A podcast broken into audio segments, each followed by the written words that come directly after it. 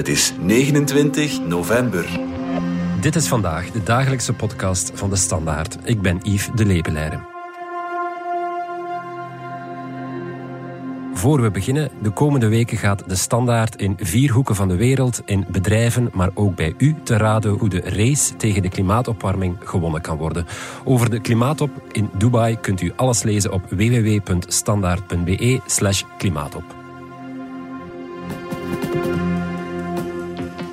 De komende VN-klimaatop in Dubai wordt opnieuw heel belangrijk als we de opwarming van de aarde binnen de perken willen houden. Het goede nieuws, we maken reuzensprongen in de uitrol van schone energie. Maar het slechte nieuws is dat de klimaatverandering veel sneller gaat dan gedacht. Kunnen we het tij nog keren? En hoe geloofwaardig is het dat een oliestaat een klimaatop mag voorzitten?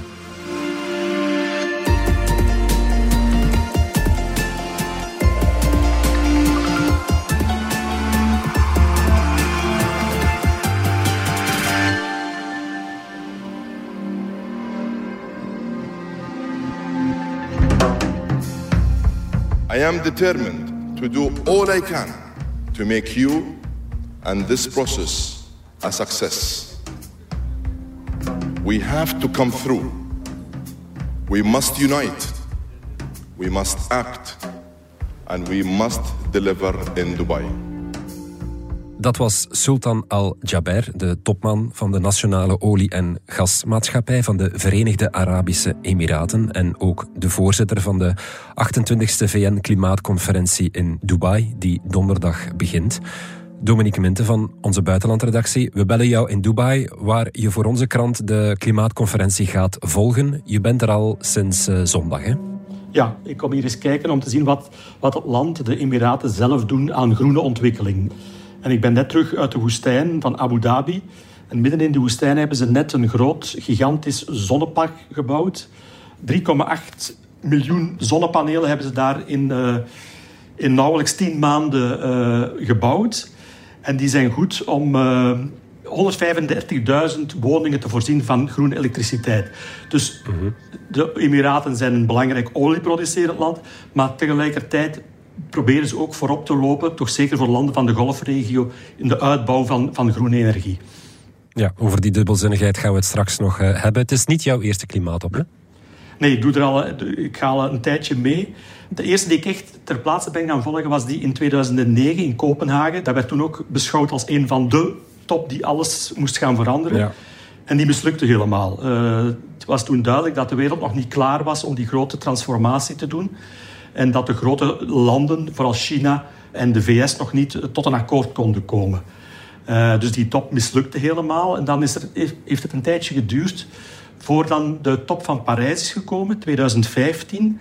Daar zijn de, de VS en, en China wel tot een akkoord gekomen. En eigenlijk de hele wereld is toen meegestapt in een tekst waarin duidelijk stond dat we de, dus de opwarming van de aarde moeten beperken onder de 2 graden en liefst tot anderhalve graad.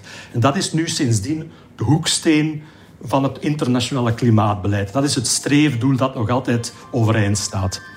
Maar ik heb de indruk dat we dat streefdoel toch al een beetje hebben laten varen. Wel, in de onderhandelingen en in de onderhandelingsteksten nog niet, maar de facto moeten we erkennen dat we dat niet meer gaan halen. Dus dat we eigenlijk te veel, nog altijd veel te veel broeikasgassen uitstoten, nog veel te veel afhankelijk blijven ja. van olie en gas en steenkool, niet te vergeten, om die reductie van, van broeikasgassen sterk genoeg te doen dalen. De wereldeconomieën blijven wel groeien. En zeker bijvoorbeeld in Europa groeit de economie en daalt de uitstoot van broeikasgassen. Dus daar hebben we wel die ontkoppeling gekregen. Maar in grote ontwikkelingslanden zoals India en China, ja, daar blijft de economie ook wel groeien. Ze hebben nog altijd veel meer gas, elektriciteit en steenkool nodig om die economieën te laten groeien. Dus dat is ergens wel begrijpelijk. Maar dat maakt wel dat de wereld die, die ontkoppeling nog altijd niet aan het maken is. Dus de laatste twee toppen zijn eigenlijk ook een beetje mislukt. Twee jaar geleden in Glasgow. Toen wilden ze eigenlijk in de tekst krijgen dat we moesten stilaan beginnen met het uitfaseren, zeker van steenkool, de meest vervuilende fossiele brandstof. En dat is toen mislukt. Dus Europa drong daar heel erg sterk op aan. Maar op het laatste moment, echt in die laatste uren van toen de tekst moest klaargemaakt worden, zijn eh, China en vooral India op de rem gaan staan. Dat is er dus niet ingekomen. En ook vorig jaar in Egypte, eigenlijk is die top helemaal mislukt. En ook daar is er geen sprake gekomen van het stilaan beginnen uitfaseren van fossiele brandstoffen. En de hoop is dat dat nu dit jaar wel kan lukken. Ja. Uh, Ine Rensen, jij bent er ook komen bijzitten, want dit weekend zet je nog eens netjes de uitdagingen op een rij. En je mag beginnen met het slechte nieuws. Dan kunnen we straks nog eindigen met het hoopvolle nieuws. Waar staan we eigenlijk vandaag? Ja, wat Dominique zo net al zei, we zitten helemaal niet op koers om eh, dat belangrijke doel van die anderhalve graden te halen. De huidige klimaatplannen die nu voorliggen, waar regeringen zich toe hebben geëngageerd, leiden tot een aarde die gemiddeld 2,5 à 2,9 graden warmer wordt. Misschien even dat in perspectief zetten, toen we uh, in Parijs die anderhalve graad voorop stelden, mhm. toen zaten we wel nog op koers om ruim boven de drie graden te eindigen tegen het einde van de eeuw. Dus er is eigenlijk wel al heel wat gebeurd. Daar zullen we het zo meteen over hebben. Maar het is niet genoeg. hè. Mhm. Zelfs net onder die drie graden blijven um, leidt tot desastreuze gevolgen op heel wat plekken in de wereld. Dat blijkt ook uit alle rapporten die de voorbije weken verschenen zijn. De VN heeft er ook een aantal uh, terug op tafel gelegd, zoals het Emission Gap Report van um, de UNEP, het milieuprogramma van de VN. Uh, daar wordt gekeken van, kijk, wat is de kloof tussen hetgeen wat moet gebeuren en wat effectief aan het gebeuren is. En die kloof is effectief zo groot, waardoor de VN-topman Antonio Guterres nog zei van ja, we kunnen eigenlijk beter spreken van een canyon dan van een kloof. The report shows that the emissions gap is more like an emissions canyon. Hij lijstte ook nog eens alle maanden op die dit jaar tot de warmste maanden ooit uh, zijn uitgeroepen. June, July, August, September en oktober were all the hottest on record. Dus het is dit jaar ook heel tastbaar geworden, hè, die klimaatopwarming. Ja, een beetje vreemd, want ik denk dat een van de weinige plekken ter wereld waar we het niet zo hard gevoeld hebben, was hier in mhm. ons landje, maar overal rond ons. Dit jaar wordt zo goed als zeker uh, het absoluut warmste uit de tabellen. Dat betekent recordtemperaturen op land, uh, maar ook in de oceanen, wat ook heel belangrijk is. Um, de hoeveelheid ijs, bijvoorbeeld rond Antarctica, is dit jaar historisch laag. Dus er gaan wel echt alarmbellen af. Mm. Uh, en ja, dat, dat extreme weer, de vele bosbranden, overstromingen die we hebben gezien, extreme hittegolven in bijvoorbeeld de VS en Azië. En daar wordt het stilaan ook op bepaalde plekken echt lastig om te leven. Dus je komt eigenlijk op een punt, zeker in, in uh, India en Pakistan, maar ook in de golfregio, zijn er plekken waar de temperatuur gecombineerd met een hoge luchtvochtigheid zo hoog wordt dat het voor de mens niet meer mogelijk is om daar te leven. Ook uh, Dubai heeft daar heel erg last eh, van. Hè. Het is nu bijna december, de wintermaand komt er hier aan en het is hier nog altijd 30 graden. Afgelopen zomer liep de temperatuur geregeld op tot 50 graden. Was hier toen zo warm dat zelfs uh, naar het strand gaan overdag totaal on onmogelijk is. Ze hebben speciaal de stranden opengesteld tot middernacht, omdat dan pas de, de temperatuur genoeg afkoelde om even verkoeling te gaan zoeken aan het water. Kan je het nog wat concreter maken, Ine? Wat, wat gebeurt er bijvoorbeeld als de aarde effectief met 2,5 graad opwarmt? Over welke scenario's spreken we dan? Ja, ik denk dat het hier belangrijk is om te wijzen op een aantal essentiële kantelpunten waar we op afstevenen. Kantelpunten betekenen eigenlijk dat je over een punt gaat waarbij effecten optreden die zichzelf altijd maar verder versterken en waar mhm. er ook geen weg terug meer is en die het leven op aarde voor de mens en voor dieren en voor planten voor goed veranderen. En een voorbeeld bij, dus er is een heel belangrijke studie verschenen in uh, het blad Science, waar veel wetenschappers aan hebben meegewerkt een jaar geleden. En zij hebben vastgesteld dat nu, want we zitten al aan een opwarming van 1,2 graden. Hè. Sinds de industriële revolutie uh, is er al 1,2 graden bijgekomen gemiddeld. En dus nu, op dit punt, zijn we al voorbij het kantelpunt waarbij bijvoorbeeld de Groenlandse ijskap langzaam zou kunnen gaan instorten. Er is ook een reële kans dat een belangrijke stroom in de noordelijke Atlantische Oceaan, de Labradorstroom, stilvalt. Dat geeft dan een grote impact op extremer weer in Europa. Maar ook bijvoorbeeld de permafrost kan abrupt gaan smelten, waarbij mhm. dan weer veel meer CO2 vrijkomt. Dus zo zie je die feedbackmechanismen in gang komen. Dan bij 1,5 à 2 graden opwarming, waar we dus minimaal op afstevenen, is bijvoorbeeld de kans reëel dat alle alpine gletsjers uh, smelten. Wereldwijd, hè, met grote impact op zoetwatervoorraden. Of dat bijvoorbeeld de bossen in het hoge noorden afsterven. En als je nog eens voorbij 2 graden gaat, een heel belangrijke daar is het afsterven van het Amazonewoud. Ja, scenario's die dus wel uh, realistischer worden. De grote boosdoener zijn uiteraard de broeikasgassen. Leg nog eens even kort uit hoe die precies het klimaat verstoren. Ja, dus broeikasgassen werken als een soort deken rond de planeet, waardoor het hier niet veel te koud wordt. Anders zou het hier gemiddeld min 18 graden Celsius zijn. Dan zouden, zouden mensen niet kunnen leven, zouden mhm. hier ook geen planten kunnen leven, zouden we niet kunnen eten enzovoort. Dus die zijn wel nodig, maar het mag niet te veel worden. Als je die bekijkt, dan zie je dat 800.000 jaar lang de concentratie aan broeikasgassen in de atmosfeer gevarieerd heeft, uh, maar nooit heel erg hard veranderd is. Dus concentraties zijn nooit boven 300 parts per million. Dat is een eenheid om mhm. dat uit te drukken. Uh, nooit daarboven gegaan. En dan zie je plots vanaf de industriële revolutie rond 1850 is, dat, is die concentratie enorm beginnen stijgen. Echt beginnen pieken. Uh, waardoor er nu eigenlijk te veel broeikasgassen in de atmosfeer komen die een warm deken rond de planeet leggen, waardoor de planeet eigenlijk niet meer kan afkoelen. Hè. We zijn dus eigenlijk niet goed bezig. In principe zou die uitstoot van de broeikasgassen nu al aan het dalen moeten zijn, maar ze stijgen nog altijd. Hè?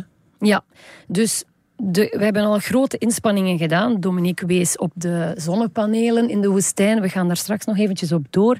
Maar dus er zit nog geen knik in de curve. En dat is heel belangrijk. Dus de curve zwakt wel een beetje af, maar we zijn nog altijd meer aan het uitstoten. Um, en dat komt eigenlijk in grote mate omdat we vooral kolen, olie en gas blijven verbranden. Mhm. Dus onze elektriciteitsproductie uh, wordt wel schoner, hè, zonnepanelen, windmolens, maar de totale energieconsumptie in de wereld is eigenlijk nog voor 80% afhankelijk van fossiel. dat, is gigantisch eigenlijk. Ja. ja, misschien daar even op in te pikken. Uh, de wereld wordt ook rijker. Hè? Dus de landen als China en India worden rijker. Mensen hebben meer energie nodig. Dus ook de wereldbevolking blijft groeien. Hè. Dus dat maakt het ook zo moeilijk om ons los te koppelen van die fossiele brandstoffen. Hè. We, inderdaad, we investeren veel meer in, in wind en zon. Maar omdat de energievraag gewoon zo sterk blijft toenemen, blijft, ook die, blijft de wereld behoefte hebben aan die fossiele brandstoffen. Dat is eigenlijk die, die catch-22 waar we een beetje in zitten. Ah ja, oké. En eigenlijk moeten we ehm, tegen 2050 klimaatneutraal worden. Dat betekent eigenlijk dat we geen CO2, geen broeikasgassen meer mogen uitstoten. Of degene die we nog wel uitstoten, die, moeten we dan opvangen en, en opslaan. En ja, dat wordt zo, zo moeilijk om dat te bereiken. Hè. Dus ja, het, het um, concept van het koolstofbudget maakt dat eigenlijk heel tastbaar. Hè? Dus het koolstofbudget is eigenlijk de maximale hoeveelheid CO2 die we nog mogen uitstoten om een redelijke kans te hebben om nog de opwarming tot anderhalve graad te beperken. Als we het huidige uitstoottempo aanhouden, dan is het budget over negen jaar op. Ja. En dat zou betekenen dat we dan het jaar nadien de emissies in één keer naar nul moeten laten terugvallen. Dus dat is onverbiddelijk. Dat toont ook aan wat in Dubai op het spel staat. En het hele punt is eigenlijk, hoe langer we wachten, hoe moeilijker het wordt. Ja, ja. dus die uitstoot moet echt wel drastisch naar beneden. Zal de klimaatop in Dubai, Dominique, daar, daarin slagen om daar afspraken over te maken? Wel, ik ben een redelijke pessimist op dat vlak. Laten we zeggen, de hoop is dat het nu eindelijk in de teksten gaat staan dat we die fossiele brandstoffen, het gebruik daarvan, de productie daarvan, dat we die gaan beginnen afbouwen. Als we daarover afspraken kunnen maken, dan zitten we op de goede weg. Maar, en ik denk wel dat men dat op papier wil zetten, maar dan moet je, blijft ook nog een groot verschil tussen dat op papier zetten en dat in de praktijk doen.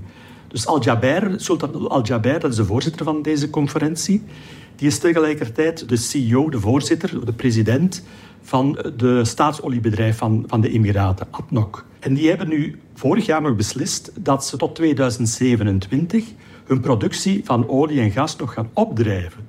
Dus dat, dat ligt al vast. Dus uh, hij gaat nog meer produceren de komende ja, jaren. Ja. The world needs all the solutions it can get. It is oil and gas and solar and wind and nuclear and hydrogen. It is all of the above. En Dominique, is het ook al een beetje vreemd dat de klimaattop doorgaat in een oliestaat eigenlijk, toch? Ja, nu, daar wil ik de, kanttekening bij maken. De VN heeft een rotatiesysteem in, waar die, die, die klimaatconferenties plaatsvinden. En, die, en ze willen dat overal op de wereld, uh, dat elk continent aan bod komt. En ja, ook de golfregio zit in dat rotatiesysteem. En het was dus dit jaar uh, de beurt aan de golfregio. Het is vroeger ook al in Qatar plaatsgevonden. Uh, en ik zeg het, de Emiraten doen wel hun best.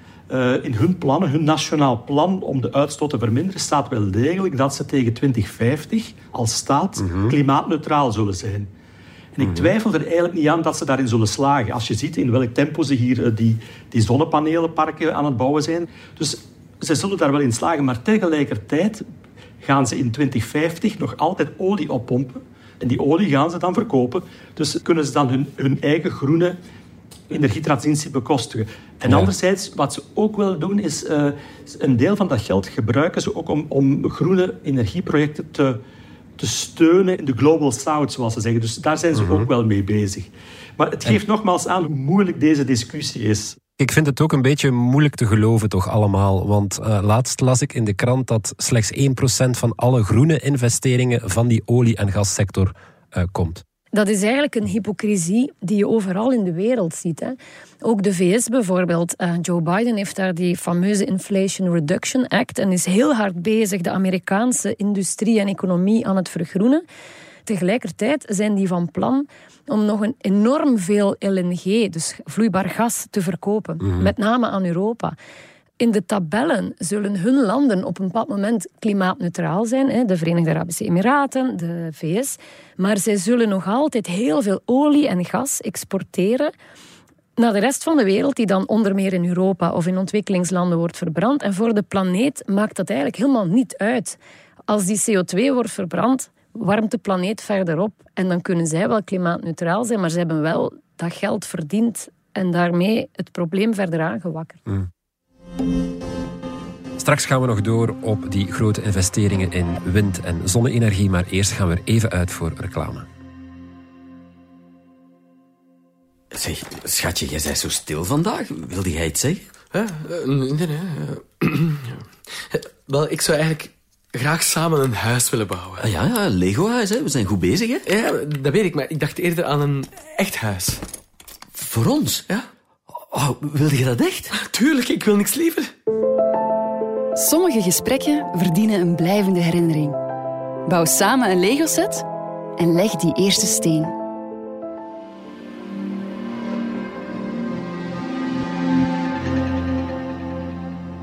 Ine, terug naar jou. Tijd om ook even wat optimistisch te zijn. Je haalde het al aan, er is nog nooit zoveel geïnvesteerd in schone energie. Dus er zijn ook redenen om optimistisch te zijn. Ja, en dat is het, het goede nieuws. Je kunt het een beetje zien als een race tegen de klok die we lopen. Een dubbele wedloop waarbij enerzijds de klimaatverandering ons inhaalt en we nog steeds heel hard inzetten op olie en gas en kolen. Maar anderzijds is er ook een andere beweging bezig waarbij we aan een rotvaart onze energiesystemen aan het vergroenen zijn. En dan zie je dat vooral wind- en zonne-energie een duizelingwekkende vlucht nemen. In Europa produceerden wind en zon dit jaar voor het eerst meer elektriciteit dan alle fossiele bronnen samen. Um, het Internationaal Energieagentschap verwacht dat wereldwijd hernieuwbare energie in 2025 kolen zal vervangen als belangrijkste bron van elektriciteitsopwekking.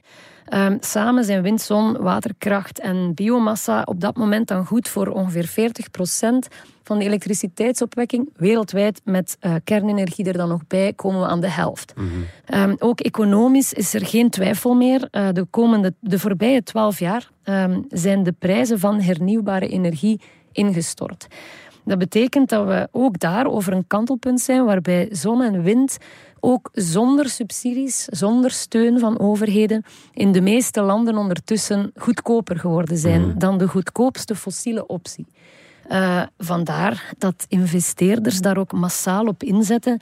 Dus als je op wereldschaal kijkt, um, het voorbije jaar, dus in 2022, voor elke dollar die naar fossiel gegaan is, ging er 1,6 dollar naar de transitie, naar hernieuwbare energiesystemen, ja. infrastructuur, stekkerwagens, mm. dus alles samen. En ook daar staat China weer los op kop. Um, niet alleen in, in het aantrekken van al die investeringen, maar ook nog eens in de, de technologie zelf produceren. Dus het gaat heel snel, die investeringen in schone energie, positief. Maar aan de andere kant, die klimaatopwarming gaat ook gigantisch snel. Dus de vraag blijft toch wel, gaan we tij kunnen keren? Ja, zoals we daarnet zeiden, als je naar het koolstofbudget kijkt, het venster sluit zich snel. En dus in de komende jaren moeten we van die fossiele verslaving af. Dat is eigenlijk de belangrijkste opgave op dit moment. En ja, zoals we net zeiden, het is heel moeilijk. Hè? Niet alleen bij ons, in, in, Europa begint dat te lukken. Maar zeker in opkomende economieën is dat echt, gaat die uh, uitrol van gigantisch grote zonneparken en windmolens enzovoort gaat altijd inderdaad gepaard met nog meer vraag naar fossiel. Dus je moet, het ook, eh, je moet dit echt zien als een race tegen de klok. En daar om nog maar even aan te geven wat daar voor ons ligt van uitdaging. Um, de hernieuwbare energie moet de komende jaren, de komende zeven jaren, maal drie. Dus de capaciteit moet verdriedubbelen. Dat is ook iets wat op tafel ligt in Dubai om daarop af te kloppen. Ik denk dat jullie uh, de inzet van de klimaatop in Dubai heel goed hebben geschetst. Dominique, wanneer is Dubai een succes? Wel, zoals Ine net zei, van, er, liggen, inderdaad een aantal uh, voorstellen op tafel rond die hernieuwbare energie, dat die tegen 2030 al maal 3 moet gaan. En ook de energieefficiëntie 20 tegen 2030 maal 2. En de, mhm. het gevoel is hier wel dat men daar een akkoord over kan bereiken. Dus dat, dat, dat is het, het, zeker het positieve nieuws. Tegelijkertijd die uitfasering van, van de fossiele brandstoffen. Um, Al-Jaber, de, de voorzitter, um, is wel bezig met een soort van coalitie op de been te brengen van de grote olieproducerende landen en de grote oliebedrijven. Hij wil tot een akkoord laten komen rond bijvoorbeeld de reductie van methaan. Want bij de productie van olie en gas komt er ook veel methaan vrij. Dat is een, een broeikasgas dat nog veel erger is en veel uh, zwaarder is dan CO2. En daarover gaan ze nu proberen een akkoord te sluiten dat die tegen 2030 dat er geen methaan meer mag vrijkomen bij het oppompen van olie of, en het oppompen van gas. Maar tegelijkertijd, je blijft signalen krijgen van de grote oliebedrijven en van, ook van de OPEC, de, het kartel van olieproducerende landen. Die zijn precies een beetje in, in, in, het, in het verweer aan het komen. En de laatste weken en maanden zijn er steeds meer uh, commentaren en, en, en, oproepen van, van de grote oliebonzen die erop wijzen dat het misleidend zou zijn om te zeggen dat de olie en gas nu maar zo snel mogelijk moet stoppen. Hun boodschap is dan, ja, als je dat wil, dan, dan gaat er gewoon te weinig energie in de wereld zijn. Er is een soort van, ja, een beetje een, een tegenbeweging aan de gang. Dat gevoel heb ik ook wel heel sterk. Maar Dominique, als ik jou zo hoor, een duidelijke afspraak om binnen korte termijn of om binnen afzienbare termijn volledig te stoppen met olie en gas, dat, dat zit er niet uh, in, denk ik. Hè? Dat gaat niet gebeuren. Het zou, wel een, het zou een overwinning zijn als er in de teksten staat dat we toch gaan beginnen met het uitfaseren van die fossiele brandstoffen. Dus dat zou een overwinning zijn hier. Ja, het is eigenlijk heel simpel. Hè? Technisch kan het, dat hebben we al bewezen. Economisch is het een no-brainer. Het is mogelijk. Er is op zich wel geld genoeg in de wereld. Maar die curves ombouwen en die wedloop winnen, dat is eigenlijk gewoon vooral een kwestie van politieke wil en lobby's breken. Hè. Dus het moet uh, van daar komen. Hè. Die, die belangrijke olieproducerende landen moeten ook willen stoppen met uh, nog meer gasvelden en olievelden aanboren. En daar zit de grote crux natuurlijk. Ja, en dat gaan ze niet doen. Dat is duidelijk. Ze gaan dat niet op korte termijn doen. Nu, de, de volgers van de klimaattoppen vinden wel dat Al-Jaber probeert tenminste zijn best te doen. Hij is heel actief. En in zijn communicatie houdt hij eigenlijk inderdaad wel vast aan die anderhalve graad. Hij blijft daarop hameren. We need to show that the international community can deliver and send a clear signal that keeps 1.5 within reach. En waar hij ook wel niet slecht in is, uh, hij hamert erg op die financiële stromen in de wereld. We all know that a key success factor across the climate agenda is fixing the climate finance challenge. Er is geld genoeg, kapitaal is er genoeg in de wereld. En die kapitaalstromen moeten meer richting die hernieuwbare energie gaan. Ook armere landen moeten daar makkelijker toegang toe krijgen.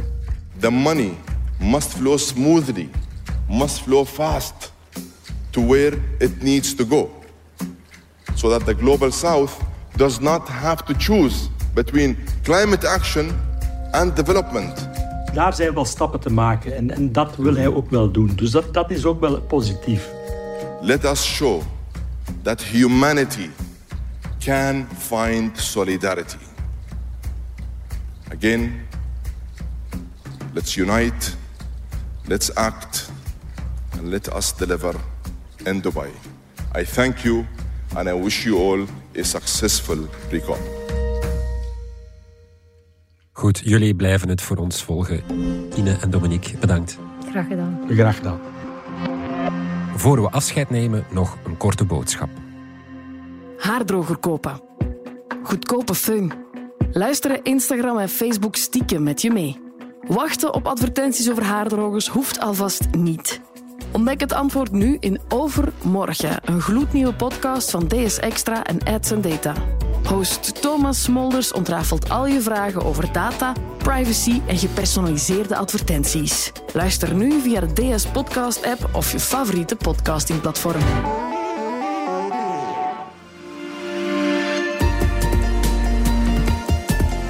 Dit was vandaag de dagelijkse podcast van De Standaard. Bedankt voor het luisteren. Volg ons op Spotify, Apple Podcast of eender welk ander podcastplatform.